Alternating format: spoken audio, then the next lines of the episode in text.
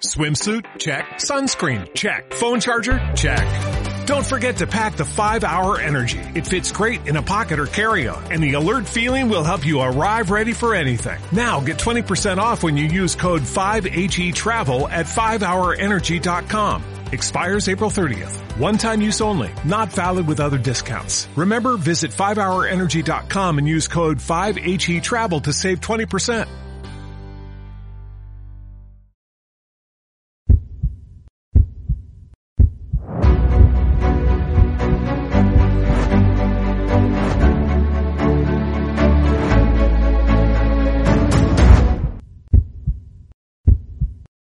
Marcar gol es importante. Salvar vida lo es mucho más.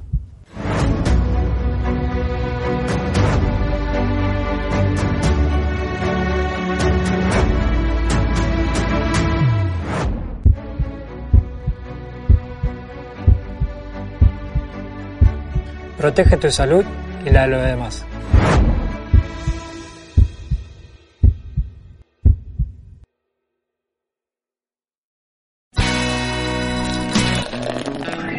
Sabadell, la distribuïdora de les teves begudes preferides és Disnova. Estrella d'Am, Cacaulat, Vichy Catalán i molts més productes. Ofereixen servei global a l'hostaleria, drogueria, alimentació i begudes. Disnova. Tradició en la distribució. Plaer pel bon servei. 93 716 80 86. 100% de Sabadell. T'agrada el pa? Penses que el pa d'ara no és bo? Això és perquè no has tastat el pa de Cabanyes. A Valero són uns apassionats del pa. Per això, al seu obrador Cabanyes elaboren cada dia les seves especialitats. Com abans, perquè tornis a gaudir del plaer de menjar pa. Visita la teva botiga Valero més propera i busca el distintiu Cabanyes. Gaudeix del teu moment Valero. Gaudeix del Sabadell.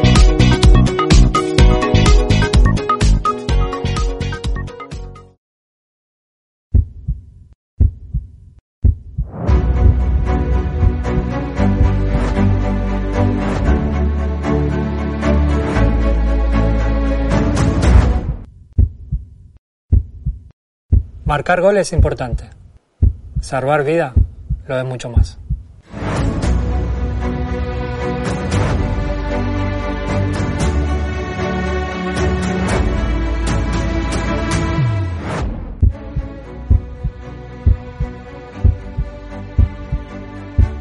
Protege tu salud y la de los demás.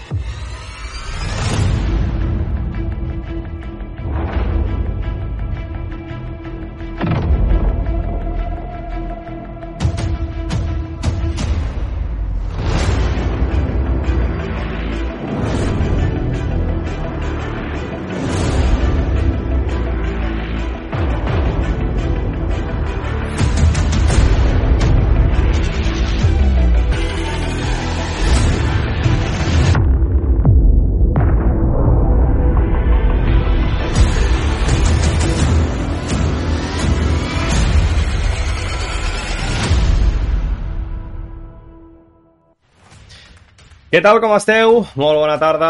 És 28 de gener del 2022, divendres, en directe, 8 i 2 eh, minuts amb tots vosaltres, amb una nova hora arlequinada. I ara mirava aquesta uh, intro, aquesta intro que, clar, a vegades podíem pensar fa algunes setmanes, s'ha quedat desfasada, no?, la il·lusió, l'adrenalina, però, ostres, veient els últims resultats, espera't a veure si no eh, no es quedarà desfasada i al final ens servirà per tota la temporada, perquè el Sabadell, dimecres, nou cops sobre la taula, primera federació, victòria contundent en la visita, en aquest cas, del Club Deportivo Alcoyano a la nova Creu Alta 3-0, per sumar 3 punts molt i molt importants. De fet, el Sabadell, ara ho comentàvem fora de micros amb els companys de l'hora Arlequinada, no perd des del novembre, eh, teòricament. Clar, sí que és veritat que ha jugat eh, menys partits del que hauria d'haver estat, però la realitat és que en aquest 2022 encara no ha perdut i que la dinàmica és molt positiva, 6 gols a favor en dos partits, qui ens ho anava a dir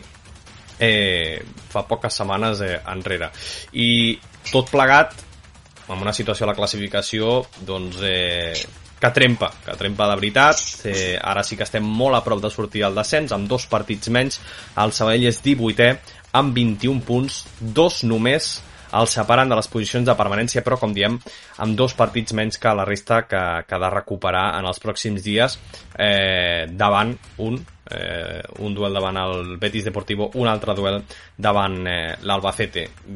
Dos eh, rivals molt contraposats, una a la part baixa, per baixa, per baixa, al fons de la classificació, i un altre eh, immers en la lluita pel campionat, immers en la lluita del, del playoff, com és el cas de l'Albacete. I a banda de tot eh, plegat, el mercat, no? entremig d'aquest... Mm, vaja, mm, aquesta quantitat de partits i, increïble que tindrem en els, en els pròxims dies jugant dimecres, diumenge, dimecres, diumenge doncs el mercat el mercat que es tanca ja en els pròxims dies. De fet menys de 72 hores perquè es tanqui i sembla que pot haver-hi moviment. Sembla perquè ara com ara més enllà de rumors, més enllà d'informacions sobre eh, quines eren les intencions del club, com informàvem nosaltres divendres eh, passat, fa una setmana, i sembla que anaven ben, ben encaminats. Avui actualitzarem tot plegat quina és la situació del mercat arlequinat, en teoria, si no passa res extraordinari, hi hauria d'haver moviment a la nova Creu Alta en els pròxims dies, en les pròximes hores. Ho explicarem avui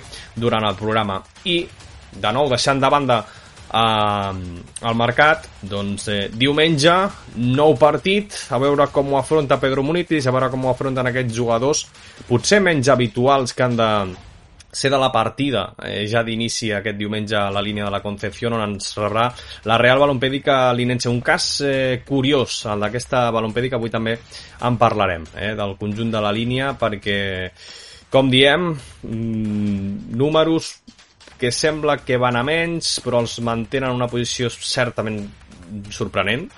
Però bé, tot plegat ho analitzarem avui amb els companys de l'Arlequinada, que saludo ja. Òscar Cáceres, què tal, com estàs? Bona tarda, Joan. Molt millor ja la cosa, no? Ja l'efecte Munitis sembla que funciona.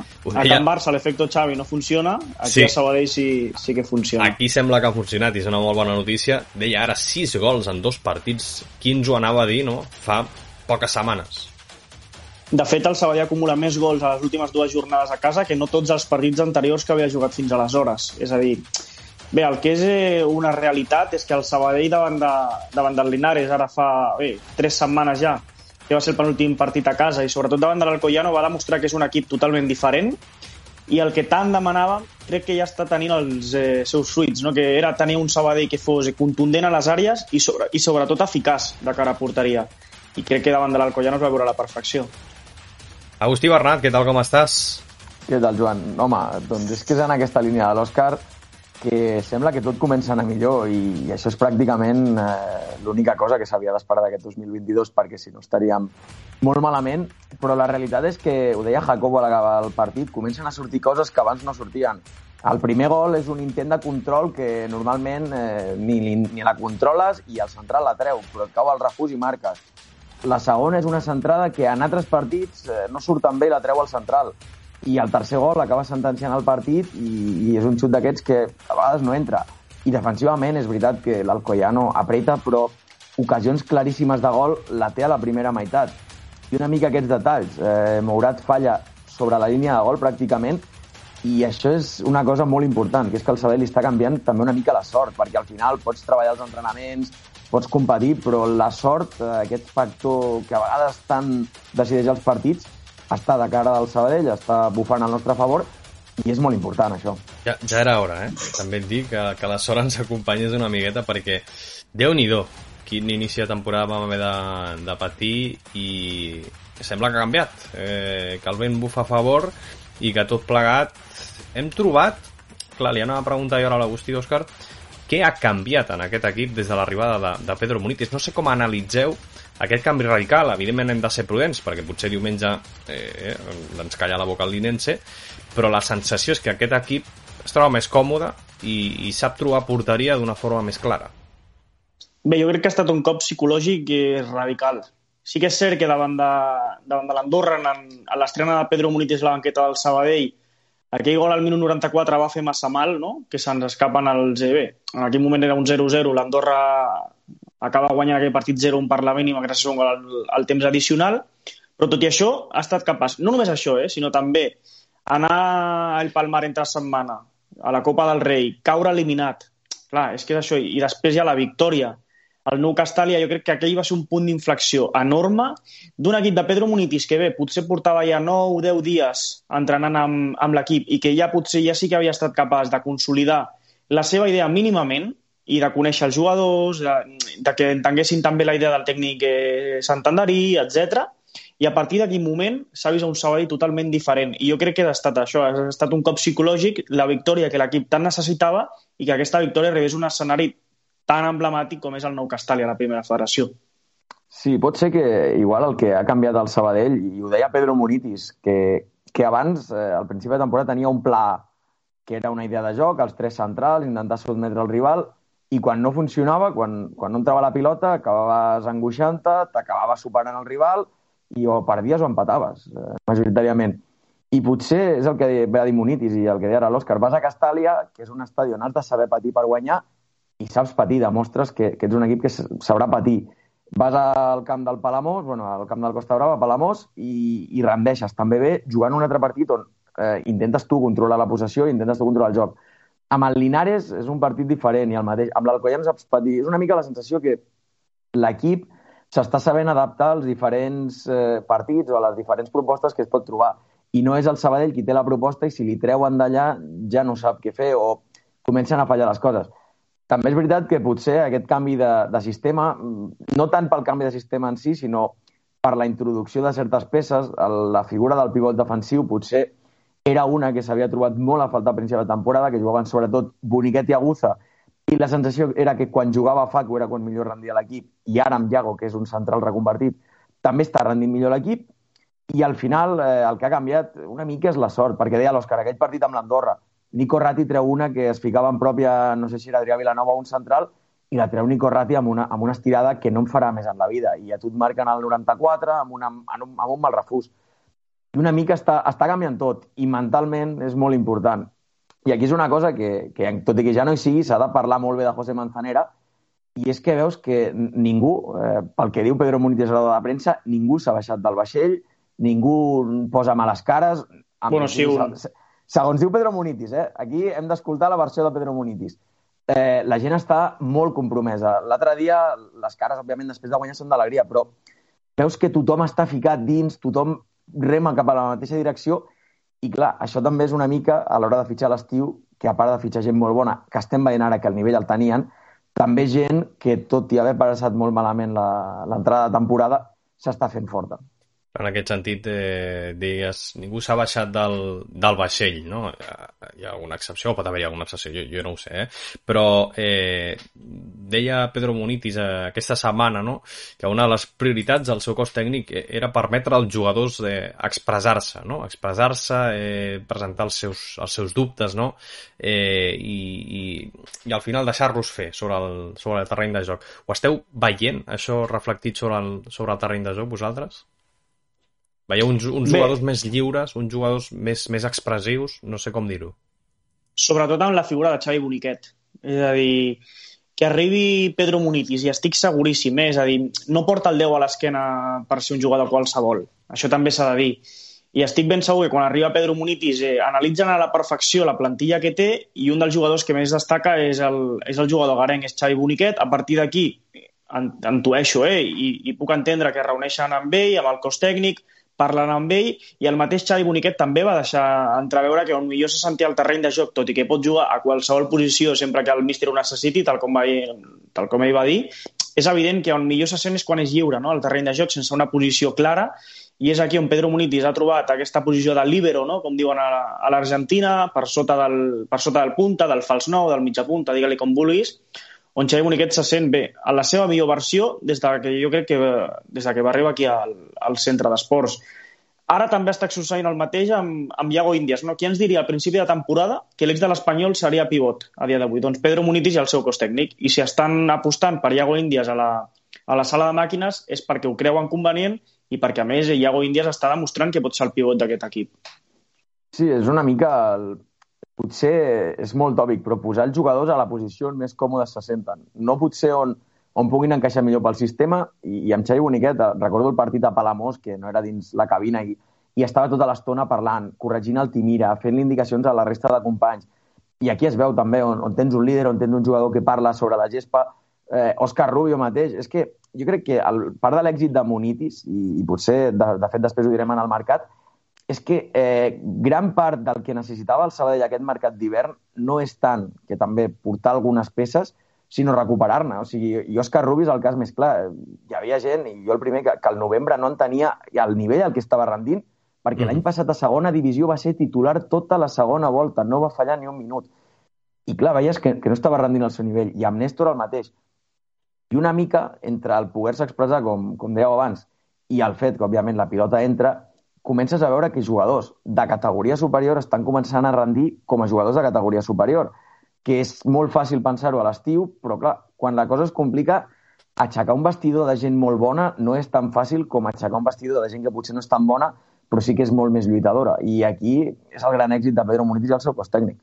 Jo no sé vosaltres, però l'altre dia a la Nova Creu Alta, quan, quan el Sabadell marxa al descans amb aquest 0-2, que potser sí que és una mica enganyós, no? perquè sí que és cert que el conjunt arrelaquinat no va brillar massa, sobretot a la primera meitat, però la realitat és la que és que marxes guanyant bueno, 2-0 al, al descans, jo tenia la sensació, i no vull avançar esdeveniments, ni fer comparatives, ni res, eh? però vaig tenir un flashback amb la, amb la temporada de l'ascens i me'n recordo quan, per exemple, ens visitava l'Egea, ens visitava el Prat, i jo deia, hòstia, el Sabadell guanyarà perquè és millor, i sigui com sigui, el Sabadell acabarà guanyant.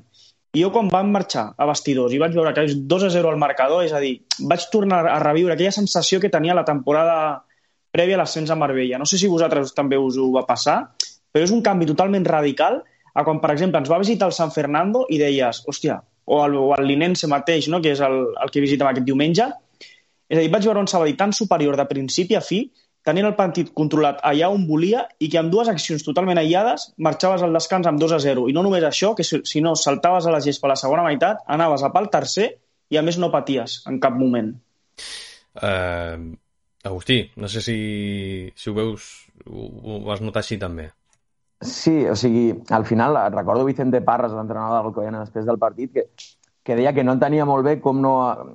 Li preguntaven que no s'entenia, com no havien, no sé si dir guanyat el partit, però marxar amb un 3-0 del Coyano potser no va ser just, però el Sabadell està demostrant que, que sap controlar els partits. Sí que és veritat que li costa una mica, no sé si entrar o li costa al principi del partit, però tant a la que encaixa un gol, com va passar amb el Linares i amb el Costa Brava, com a la que marca, es treu tots els nervis, tota la pressió i, i és una sensació que és molt bona d'aquest Sabadell que és que a la, a la que surten les coses, els jugadors flueixen, la, la situació de l'equip millora molt clarament i clar, ara sembla que dius, ostres, vas al camp del Linense, que ja parlarem després, però que és un equip que a casa és molt fort, però sembla, eh, com a mínim sembla, que el major rival que té el Sabadell ara mateix, o que tenen els jugadors del Sabadell, no és cap altre que els mateixos jugadors del Sabadell, que ells mateixos que a la que s'ho comencin a creure com, com dèiem abans i que juguin a un nivell, serà això que deia l'Òscar de, de la temporada de l'ascens, de dir, pot venir aquí pràcticament qualsevol rival i saps que el Sabadell, per qualitat i per tot el context de l'equip, serà superior. I clar, això és una cosa que, que no ho poden dir tots els equips i que aquí es pot dir perquè tens una plantilla molt potent i un entrenador que també està sabent la gestionar ara per ara molt bé. Tant de bo, eh? Jo, jo vull ser prudent, eh? jo sóc optimista i venia sent optimista en les darreres setmanes, eh, però és evident que, el, que, que l'equip va aconseguir canviar la dinàmica, com deia Xavi Boniquet en un postpartit fa, fa pocs dies, eh, i aquesta és la sensació, no? que l'equip ha trobat la, la tecla, la manera de, de, de guanyar i, i que ara mateix eh, pot aspirar tot, mm, home, tot, o sigui, que ser campió no, eh? però a sortir al descens jo estic segur que en qüestió de dies estem fora i a partir d'aquí anem a somiar, anem a recuperar aquesta il·lusió que deia al principi, no? eh, que, que tenim en, en, aquesta, en aquesta intro de l'Arlequinada, aquesta adrenalina, i tot plegat a, a lluitar pel que, pel que puguem en aquesta recta final de, de temporada. Ara llegirem missatges, mai ho fem, però eh, gràcies a Alberto, Baistec, Chamaic, Edu, Algat, Fit, eh, Gelacino, eh, Lizan, el Joiva, el Jordi, la Kylie, el Marcos, la Maria, el Mogul, el Pau, el Rebote i el Cheesecake, que sou almenys els que esteu aquí eh, amb usuari de, de Twitch eh, seguint-nos. I anem a llegir els primers missatges. Us convido a tots eh, els que us he anomenat ara a participar en el xat amb la vostra opinió. Deia el Gat, bona tarda a tots. Sembla ser que Munitis ha trobat el pla de batalla per, a, per aixecar l'equip. Doncs sí, totalment, jo crec que, que ho ha aconseguit i, i tant de bo segueixi aquesta, aquesta bona línia. I el Pau deia ara que ja som a 10 a 10 del playoff. Eh, però clar, jo aquest matí també repassava la classificació i deia, sí, a 10 del playoff, però encara amb dos partits pendents, no? O sigui, realment podem estar a menys, eh, a menys distància del, del playoff. És massa agosserat, eh, portem 18 minuts, no hem, parlat, no hem parlat del partit de dimecres, però us pregunto per això, ja que surt la paraula playoff, que hauria de ser una paraula normal, en teoria, aquesta temporada, i la paraula canvia per descens, eh, però podem tornar a parlar de playoff? És agosserat parlar de playoff? Eh, estan en, en la situació en la que està eh, l'equip, podem somiar amb acabar lluitant per la cinquena posició? Doncs a dia d'avui jo diria que sí. És a dir, que podem parlar perfectament de playoff i que ha de ser l'objectiu. És a dir, tu a Jacobo no el fitxes dient l'objectiu ha de ser la permanència. I el mateix, ell ho va dir, no? Primer, vamos paso por paso, però l'objectiu ha de ser el playoff. És a dir, estava repassant ara mateix la classificació Villarreal B, Albacete, Andorra i Atlètic Balears jo crec que són fixos. Ara bé, la cinquena plaça, entre Castellón, m'atreviria a dir-te, Barça B si fa una segona volta mitjanament bona i el Sabadell entra a la, en la pomada, com diuen en castellà, i jo crec que aquest equip està capacitat. Hem de ser prudents, evidentment, primer, primer hem de sortir del descens, però el mateix el Pau ho deia, no? A 10 punts del playoff tenim dos partits pendents, un d'ells a la nova Creu Alta, que és davant del Betis Deportivo, que com bé sabem és l'últim classificat. Arran d'aquí, guanya el diumenge i ja ens eh, presentarem el dimecres a la nova Greu Alta per rebre el Betis Deportivo. Però que el play-off està on està i que queda més de mitja volta per davant és una realitat també i el Sabadell pot optar a play-off a dia d'avui. Agustí, t'atreveixes a, a dir la paraula eh, maleïda, no sé si dir-ho així, aquesta temporada?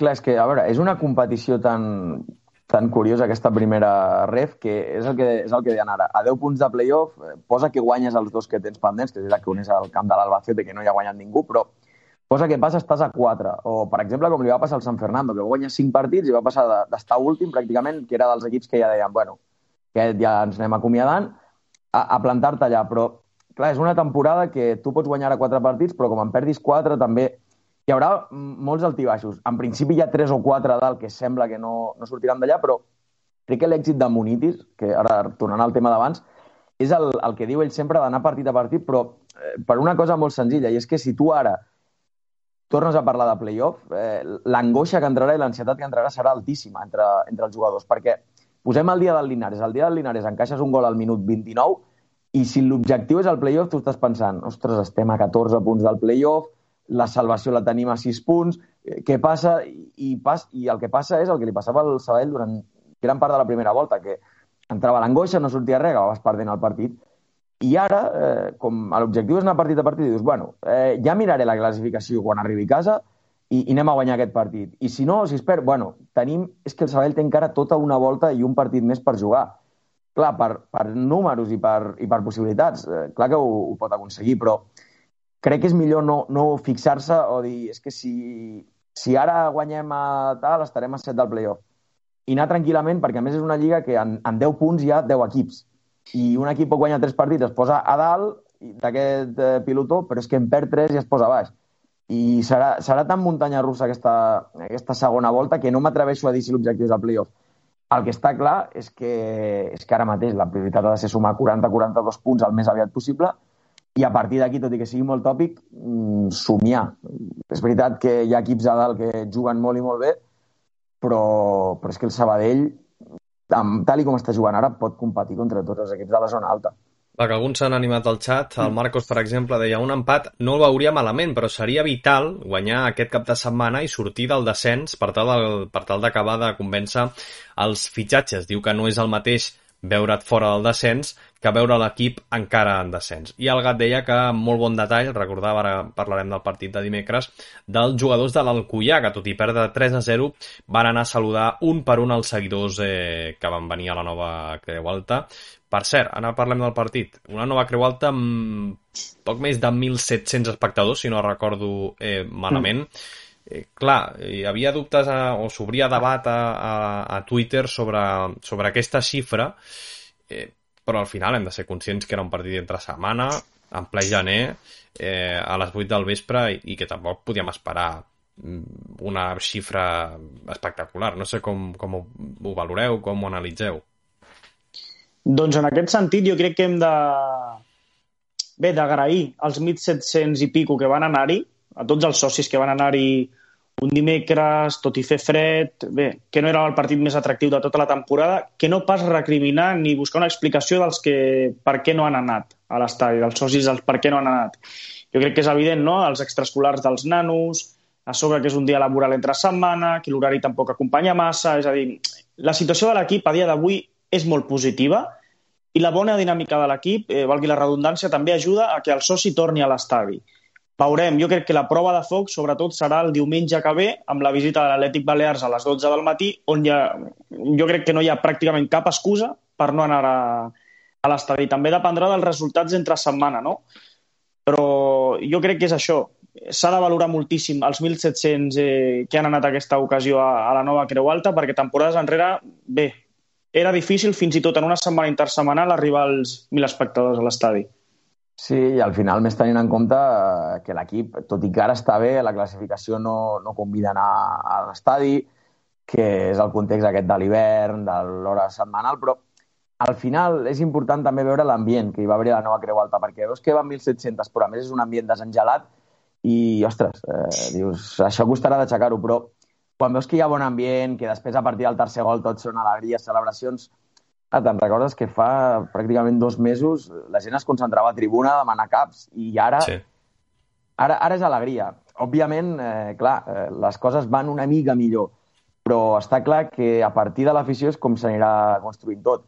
I és el que deia l'Òscar. Eh, la prova de foc vindrà a ser els partits al cap de setmana. L'Atlètic Balears, també, si no m'equivoco, ha, de, ha de venir aquí el Costa Brava d'aquí poc, i aquí és on veurem si l'afició es va engrescant si els resultats acompanyen, de ben segur que els 4.000 que hi havia a principi de temporada tornaran. Però, clar, han d'acompanyar els resultats. I ara, un últim, un últim apunt sobre el tema del playoff, que estava repassant classificacions, sí. és a dir, hem de ser prudents, evidentment, però també hem de ser realistes. No? Fem una comparativa amb el grup 1 de la primera federació, el 18è, el que equivaldria al Sabadell del grup 1 és el Real Valladolid Promeses a dia d'avui amb 17 punts i el cinquè classificat, la Unió Deportiva Logroñés, amb 34 punts, amb els mateixos eh, partits jugats. Això què vol dir? 17 punts de diferència entre uns i uns altres. És a dir, clar, la diferència ja és abismal. En canvi, el Sabadell, en cas de guanyar els dos partits que té pendents, tens el playoff a 6 punts, és a dir, a dos partits. Clar, és una realitat que el playoff encara, a dia d'avui, ha de ser un objectiu real pel Sabadell. Mm -hmm, totalment, totalment. El gat en aquest sentit deia anem partit a partit i ja s'aniria veient com es va desenvolupant el campionat i quan quedin eh, cinc jornades ja veurem si podrem eh, somiar. I sobre l'assistència d'aquest dimecres diu que per ell el gat eh, està molt bé, 1.771 espectadors entre setmana, perquè moltes jornades de fa unes tres temporades amb diumenge a les 5 eren xifres eh, similars. Aquí no et falta, aquí no et falta raó, el gat, la veritat. Eh, més enllà d'assistència, més enllà de, de tot plegat, anem a parlar del partit, gairebé dos quarts, eh, ara farem la pausa. Què destacaríeu d'aquesta victòria mm, més enllà de, bé, de la victòria en si? Eh, a mi m'agradaria destacar un cas particular, un nom propi, un jugador que no havia estat titular fins eh, dimecres, en una posició eh, que té tot el focus de, de, de tots, no? eh, pel que fa al, al mercat, com, la, com és la de central esquerrà, un jove Teo Quintero, que no sé com el vau veure, però vaja, eh, semblava que, que, que havia jugat eh, les últimes eh, 10 jornades eh, seguides dels 90 minuts. Bé, Teo Quintero, que ha estat escollit el millor central dretà per footers de la jornada. És a dir, l'actuació per mi va ser imperial del jove central del centre d'esport Sabadell. Sí que és cert que encara se li veuen bé algunes mancances, però que també, clar, li falta moltíssim ritme competitiu. És a dir, no només no havia estat titular durant tota la primera volta, és que només havia jugat un minut.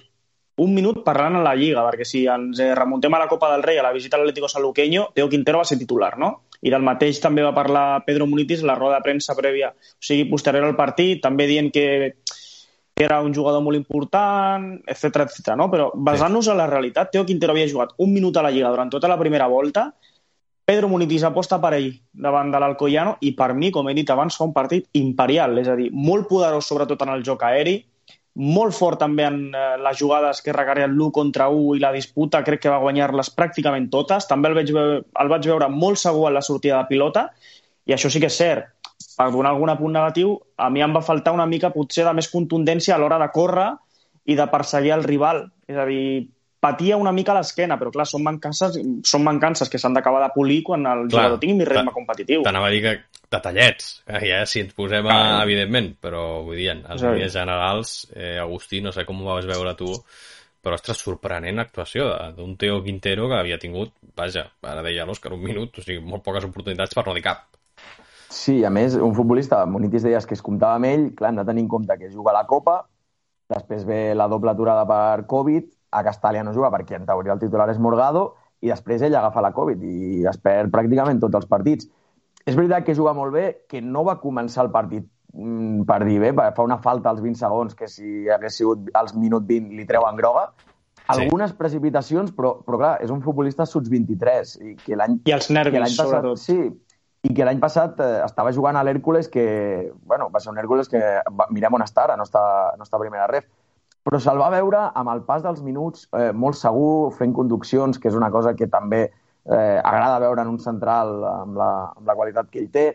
El joc aeri bastant bé, eh, i a més era un partit exigent, perquè tenia Mourat i Gavarre durant una estona a sobre i, i has de, t'han d'exigir molt. I al final, és veritat que va fer un bon partit, però clar, s'ha d'anar mica en mica, perquè ara venen també partits complicats, s'haurà de rotar sí. molt, el seguirem veient a, el seguirem veient a l'11 titular, però clar, una mica el, el que s'ha de destacar és que el Sabadell va acabar el partit amb, amb quatre jugadors suts 23 sobre la gespa. És que és el que deia Monitis, s'està donant oportunitats a tothom.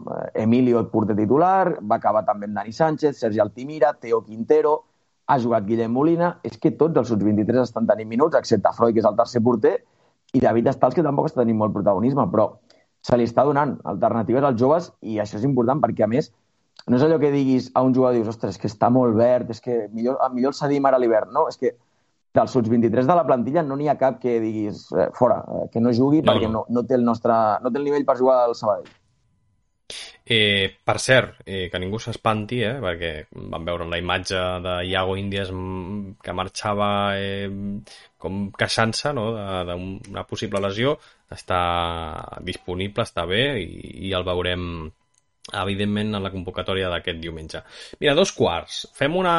Ens tallem la pausa de, de la publicitat de, de sobre, tres, poc més d'un minut estem de, de tornada, i parlem de, del tema estrella d'avui, no? El mercat, últimes hores de mercat, repassem quina és la, la situació, hem fet un repàs durant la tarda a la nostra pàgina web, ara ho ampliem aquí amb tots eh, vosaltres, i evidentment fem la prèvia del partit de diumenge a les 12, entre la Balona i el Centre d'Esports eh, Sabadell.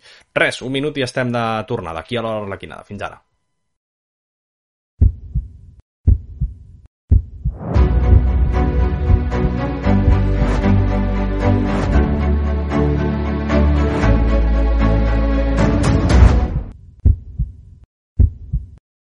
Marcar gol es importante. Salvar vida lo es mucho más.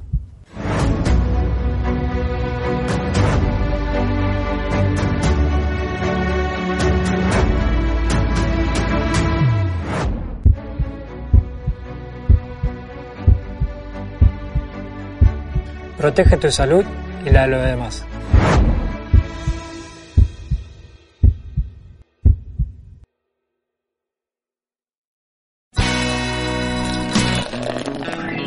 Sabadell, la distribuïdora de les teves begudes preferides és Disnova. Estrella d'Am, Cacaulat, Vichy Catalán i molts més productes. Ofereixen servei global a l'hostaleria, drogueria, alimentació i begudes. Disnova, tradició en la distribució. Plaer pel bon servei. 93 716 80 86. 100% de Sabadell. T'agrada el pa? Penses que el pa d'ara no és bo? Això és perquè no has tastat el pa de Cabanyes. A Valero són uns apassionats del pa. Per això, al seu obrador Cabanyes elaboren cada dia les seves especialitats. Com abans, perquè tornis a gaudir del plaer de menjar pa. Visita la teva botiga Valero més propera i busca el distintiu Cabanyes. Gaudeix del teu moment Valero. Gaudeix del Sabadell.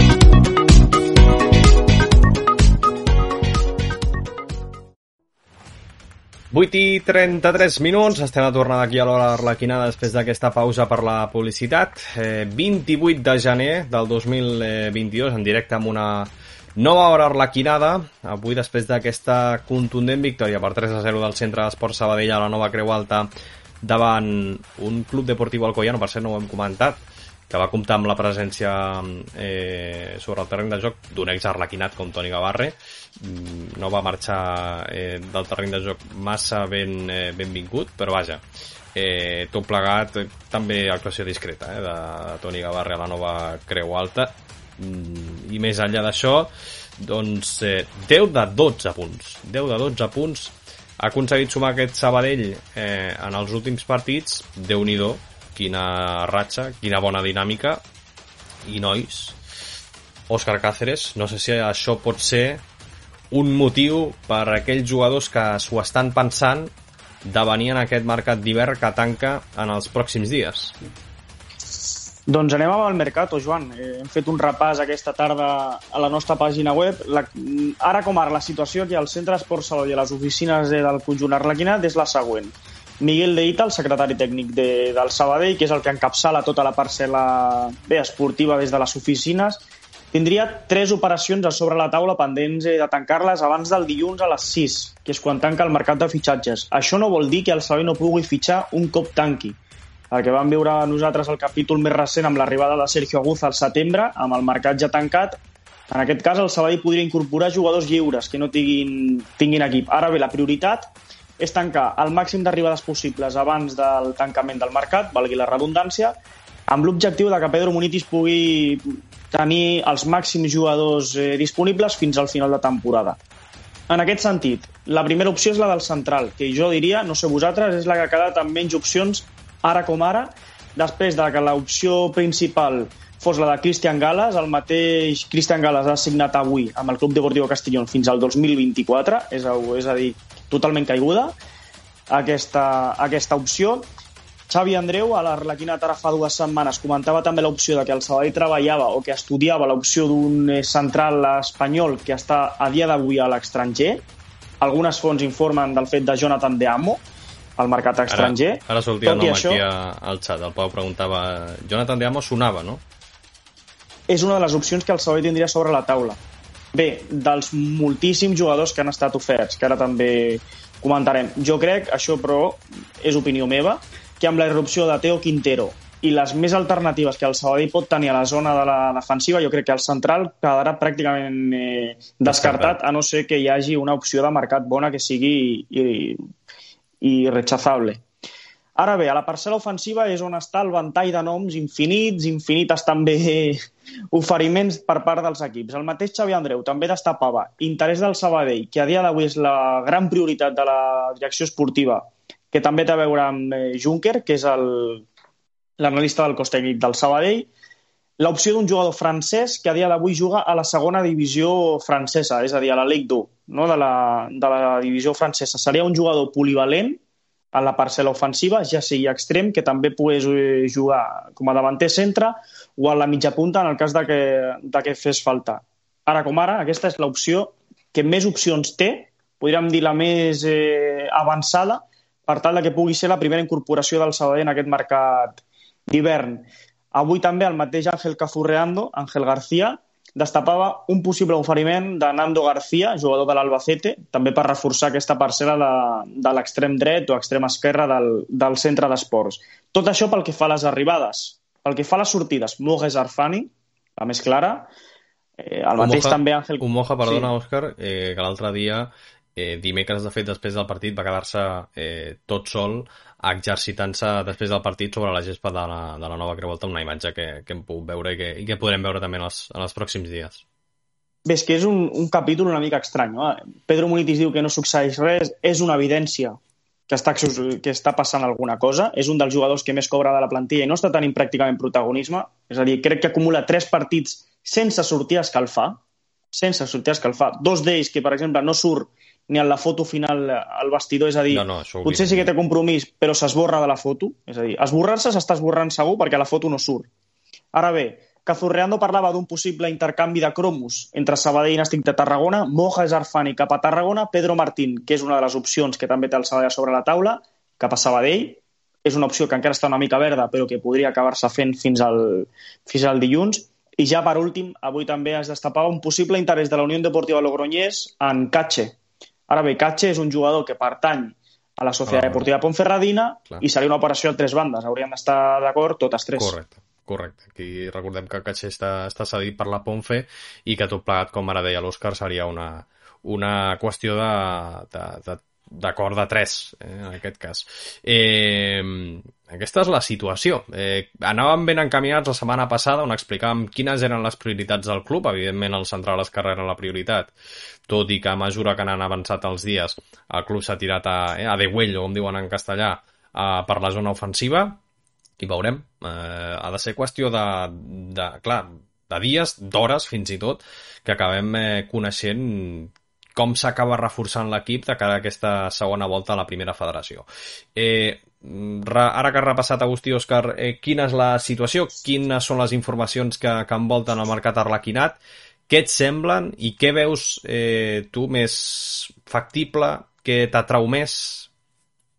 No, home, és que, clar, eh, el que queda, el que és, és evident és que el el Sabadell ha de doblar totes les posicions i les úniques que no estan doblades són la de central esquerrà i, en principi, la d'un mitja punta o extrem esquerra, perquè Moja és qui hauria d'estar actuant o de mitja punta d'extrem i sembla que podria estar fora de l'equip, sempre segons les informacions que hi ha, i el central, però clar, veient que Teo i Guillem estan rendint bé i que Iago podria endarrerir la seva posició, veurem aquí quina, quina és la situació. El que està clar és que oferiments i trucades n'hi haurà moltíssimes en aquestes pròximes hores i queda a veure, perquè clar, aquí el, el gran dubte és la, la frase que deia José Manzanera l'any passat de hem de portar alguna cosa que millori el que hi ha. Eh, millorar aquesta plantilla és complicat i per tant el que s'ha de portar és fons d'armari clar, ha de ser gent, primer de tot, que accepti el rol del fons d'armari, que sàpigues que s'adaptarà bé. Clar, és, és complicat també fer tancaments a aquesta última hora i no, per exemple, fitxatges com el de l'any passat d'Alvaro Vázquez, que no es va consumar al setembre, però que estava pràcticament parlat per tancar-lo al, al gener.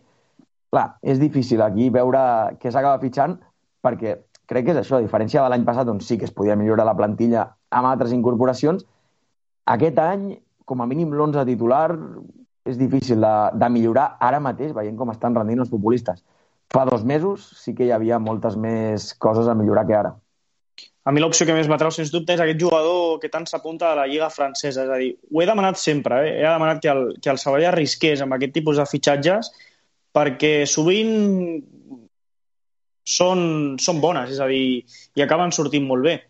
No com el cas del Fuenla, no? que fitxa a tota la Lliga francesa i a tota la Lliga portuguesa de segona divisió i no els hi surt bé, és evident, perquè no coneixen la categoria, però un jugador tipus Andy Kawaya, no? per exemple, la cultural leonesa, que el van fitxar de la, de la Lliga belga, els hi va sortir bé i, a més, els hi va deixar diners allà a les oficines de, del Reino de León. I crec que el Sabadell s'està perfilant aquest perfil, valgui la redundància també, tal com apuntava Xavi Andreu, no? de, la, de la segona divisió francesa, no com deia Ángel Cazurreando, que va baixar un esglau més i va tirar cap a la Nacional, on, on apuntava un nom de l'estadi de la Bayua, que segons eh, hem pogut saber no és, d'aquesta divisió, que seria de la Ligue 2, eh, finalment, a mi m'atrau moltíssim. Veurem finalment qui és el jugador indicat que acaba arribant a Sabadell, si és que acaba arribant, però a mi tenir un perfil d'aquest tipus de jugadors que sobretot voldran ser ambiciosos pel fet del mercat espanyol, de donar-se a conèixer, a mi m'encanta. A mi m'encanta i ojalà s'acabi fent. Tant de bo, tant de bo.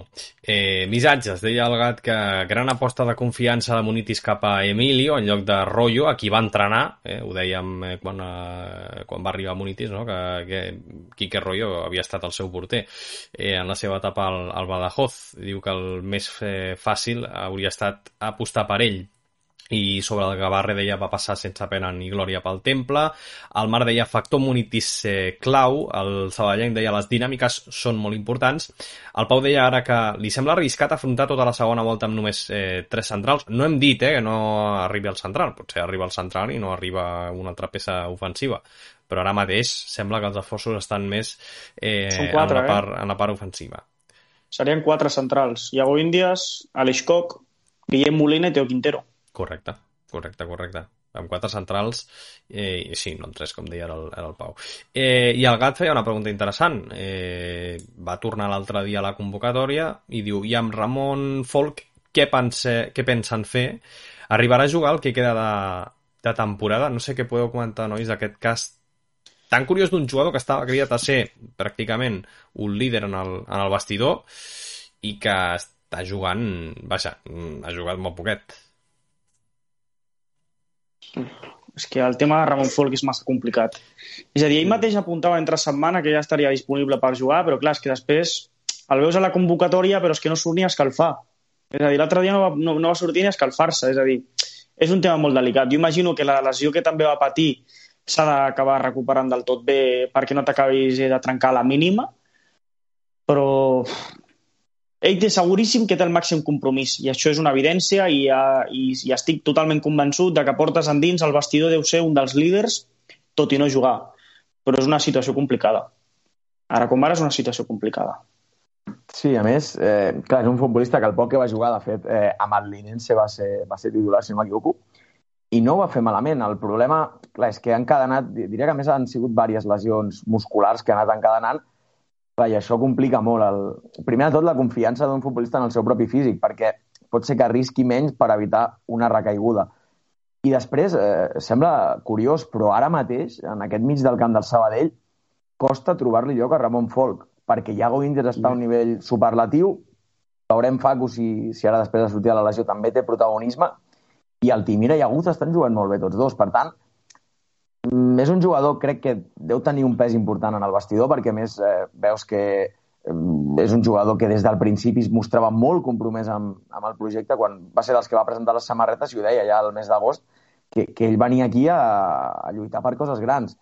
I és veritat que no ha tingut sort, però la lliga és molt llarga, i recordem que el Sabell va jugar ahir, el, ahir dimecres, el primer de 8 partits que haurà de jugar en un mes, en 30 dies, del 26 de gener al 26 de febrer. I aquí hi haurà temps per tothom. I si Ramon Folk torna i ho fa a un bon nivell i millora el que hi ha ara, endavant.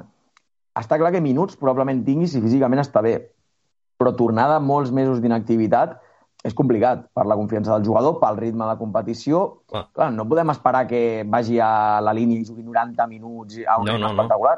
És que igual està per mitja horeta i després 45 minuts i després 60, però si arriba a final de temporada en un bon estat de forma pot ser un jugador molt i molt important que ara no el tenim en compte perquè porta 4 mesos gairebé de baixa, però no el descartaria ni molt menys perquè a més no és un futbolista, a diferència d'algun altre, que pugui haver manifestat la seva voluntat de sortir, com seria el cas del mateix Gavarre, que ja estava a l'Alcoyano. Missatges, deia l'Alberto, diumenge a les 12 contra un equip de blanc i negre. Si juguem amb, amb l'arlequinada groga i verda, 0-1 com a Castàlia. Salutacions des de Santander, salutacions des de Sí, sí. Sabadell, eh, Montmeló i Castellà, no? si no m'equivoco. Eh, eh, ostres, per cert, no, no, no ho he comentat eh, abans en, en privat, però us agraeixo molt, jo personalment, quan eh, ens feliciteu, ens feu saber que veieu l'hora arlequinada, que ens eh, seguiu a l'estadi, jo agraeixo molt, ara que estic eh, fent eh, la volta per l'estadi amb, amb la tele, i gràcies a tots eh, els que evidentment ens seguiu aquí eh, divendres rere divendres i dia a dia a les nostres xarxes socials i la nostra pàgina web. Eh, deia el Joan Moto que el canvi de míster a mitja temporada l'any passat i penso que estaríem a segona divisió. Comentari potser avantatgista, però tinc aquesta sensació. I sobre Ramon Fol deia el Gatara que pensava que seria el líder del mig camp quan eh, el van fitxar, però res de res. Doncs recollint el comentari de l'Alberto. Diumenge a les 12. Eh, nou partit. Eh, Amb aquesta samarreta línia, eh, que comenta. amb aquesta samarreta. Quina sensació us transmet aquest eh, rival de diumenge eh, i també tenint en compte la dinàmica que arriba l'equip i tenint en compte que hem jugat dimecres? Doncs mira, diré una cosa i potser sonarà a bogeria, però jo crec que fins i tot va bé que el partit sigui tant Tan d'hora, seguit, no?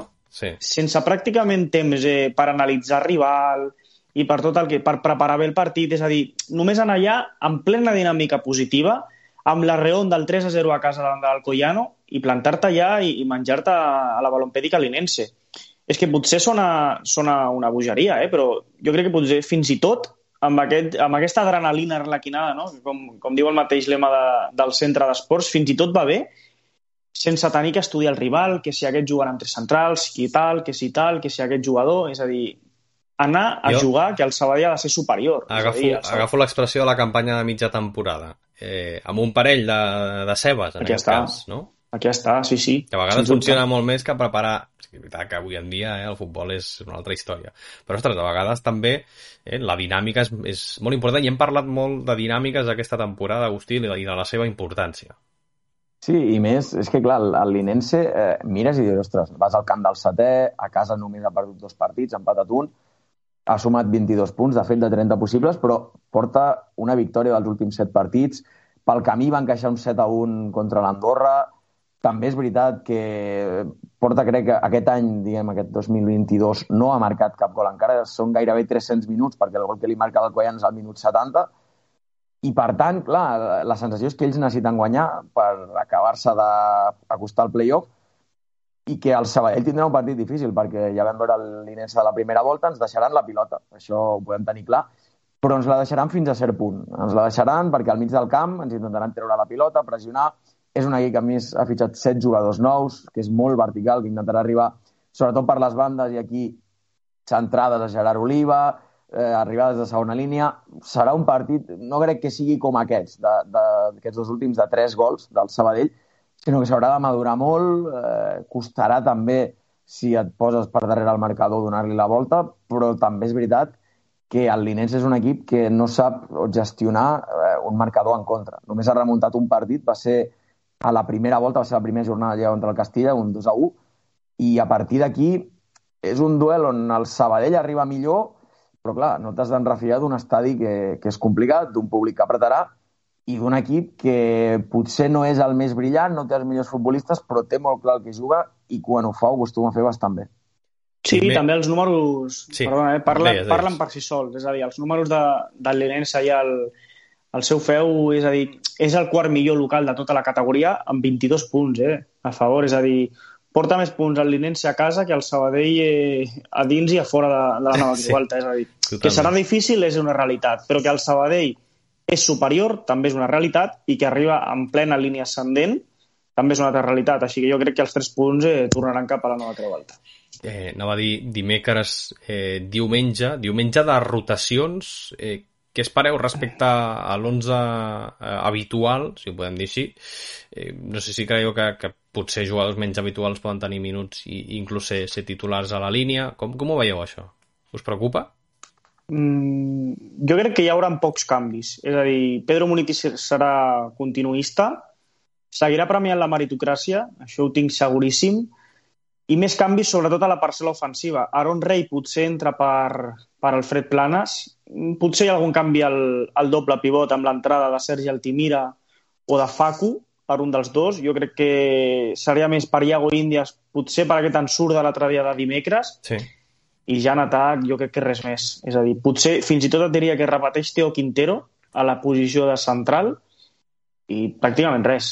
Clar, perquè no sé si podem parlar de- d'avantatge, Agustí, perquè, clar, fa tantes setmanes, no? acumulàvem 18 dies sense jugar, que potser estem més, més frescos de, de, de cames i, i, i tampoc cal fer tantes rotacions, o, o, o sí perquè venim de jugar dimecres, o com, quina part li veus tu?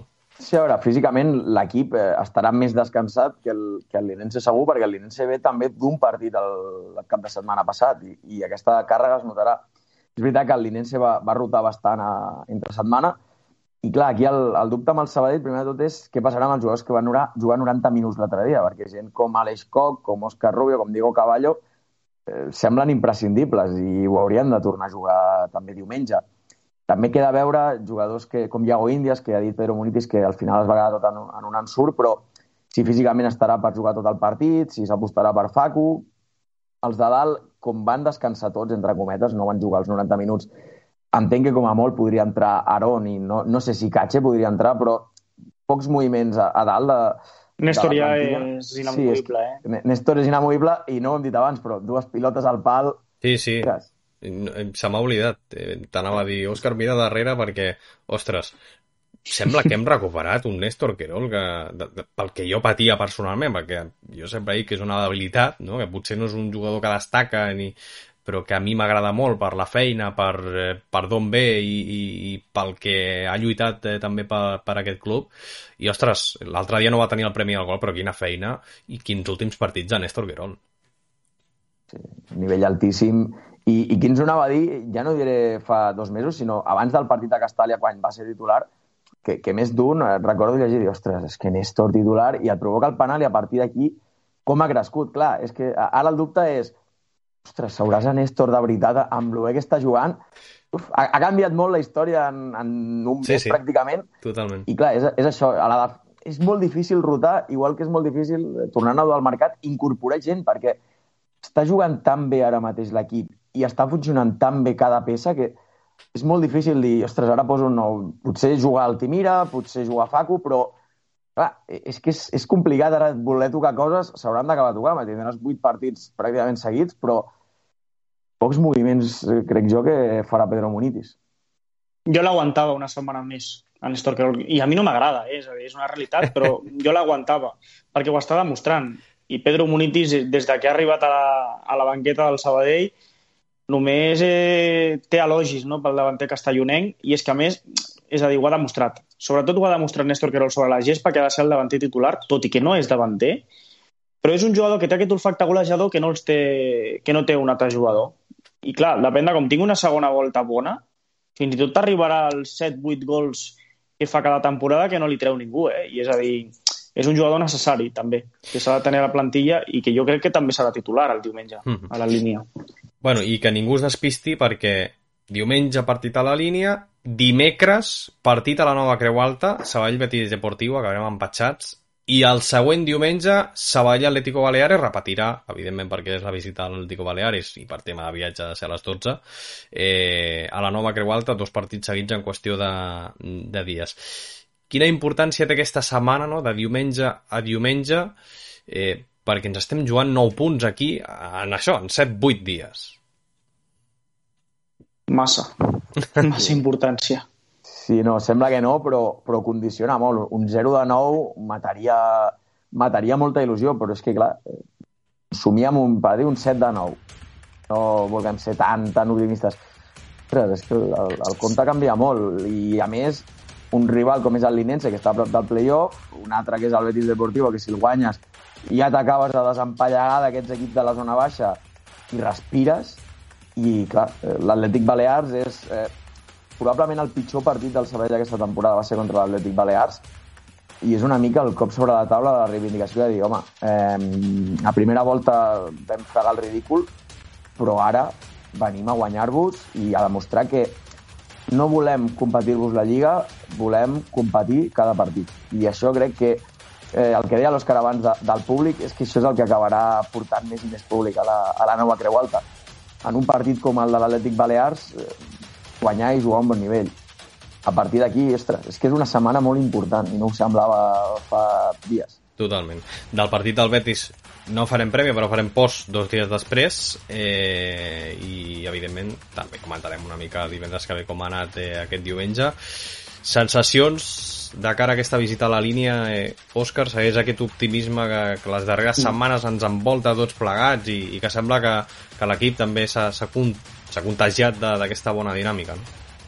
Jo crec que sí, bones sensacions i ara quan et doni la porra, crec que la setmana passada, no sé si la vaig acertar, que vaig dir 3 a 0 o 2 a 0, ara no me'n recordo, però, però són bones sensacions. Sí que és el que deia abans, eh, serà un escenari complicat, però el Sabadell és superior, el Sabadell arriba en dinàmica positiva i crec que els 3 punts eh, tornen com a la nova Creu Alta. És que és un d'aquests viatges que a principi de temporada deies, uf, eh, de, dels desplaçaments més llargs, un públic, entre cometes, eh, hostil pel que et trobaràs, però, però és que aquest Sabadell ara mateix transmet confiança. I saps que el que deia Pedro Munitis, que si no guanyes, l'equip es deixarà la vida. I això és important. Eh, S'està tornant a retrobar una mica amb l'afició a l'equip. I està clar que, que guanyi o perdi farà un bon partit. I després els detalls poden decidir-ho, però la dinàmica tan positiva, aquesta sort que, comentava abans al principi, el Sabadell la té ara mateix a favor i això pot fer que el córner que normalment no remata ningú, igual el remati Aleix aquell dia. Crec que el Sabadell guanyarà i sobretot, eh, ja que no podrem estar aquí abans del partit del Betis, m'agradaria un 6 de 6. Tant de bo, tant de bo. Mentre us pregunto a la porra, convido al xat a que deixeu la, la vostra i la repassem ara al final del eh, programa que les sensacions positives és una evidència eh, ara ja no sé si, si, si sereu tan, tan optimistes amb el, amb el resultat què em dieu? Doncs jo et diré mateixos colors que a Castàlia, perquè el Linense jugarà de blanc i negre i el Sabadell de groc i, i verd, i et deixo el mateix resultat, 0-1. 0-1 Agustí, què? Jo és que crec que el, el, només ha perdut dos partits, ha encaixat sempre més de, de dos gols, o dos o més quan ha perdut. No sé per què, un, un 2 a 3. Partit 2 a 3. De, partit de gols. Sí, sí. I això que el, el Linense no és de marcar molts gols. Va, doncs jo crec que farem un 9, un 9 de 9. Apunta'm aquí un, un 0-3, eh? però un 9 de 9 de gols i un 9 de 9 de punts també però un 9 de 9 de gols. Eh, 0-3 de la línia seria la bomba. Eh, 0-1 ens deixava el Joiva diu que serà pas, eh, partit de paciència creu Uh, L'Ethan deia que avui no ha participat al xat perquè estava fent deures. Diu que molt bon programa com sempre. Gràcies Ethan per seguir-nos, fins i tot fent deures. Ens deixava un 0-3 i hi ha gent que ens està deixant com ell el resultat de dimecres. 0-3 i 3-1 davant el Betis Deportivo i l'Alberto ens deixava també un 0-1 diumenge, un 3-0 dimecres i un 2-1 contra el Baleares. Bueno, la del Baleares ja, ja tindrem temps eh, de, de, la, de la setmana que ve de demanar-la. Però vaja, optimisme. Optimisme en, en el món arlequinat eh, entre socis i aficionats del Sabadell i això sempre és una molt bona notícia. Agustí Bernat, fins la setmana que ve. Gràcies un divendres més i, i un plaer com sempre. Que vagi bé Òscar, igualment, un plaer com sempre i tant de bo tornem eh, divendres amb un 6 de 6. Això espero, que vagi bé, Joan. Bon cap de setmana. Igualment. I a tots vosaltres, arribem a les 9 de la nit, marxem eh, i acabem un nou programa de l'Hora Arlequinada, 9 de la nit, com deia, d'aquest 28 de gener del 2022. Gràcies per acompanyar-nos. Ens tornem a veure divendres que ve. Ja serà 4 de febrer. Ja, ja ens hem ventilat al gener i ni ens hem adonat. 4 de febrer.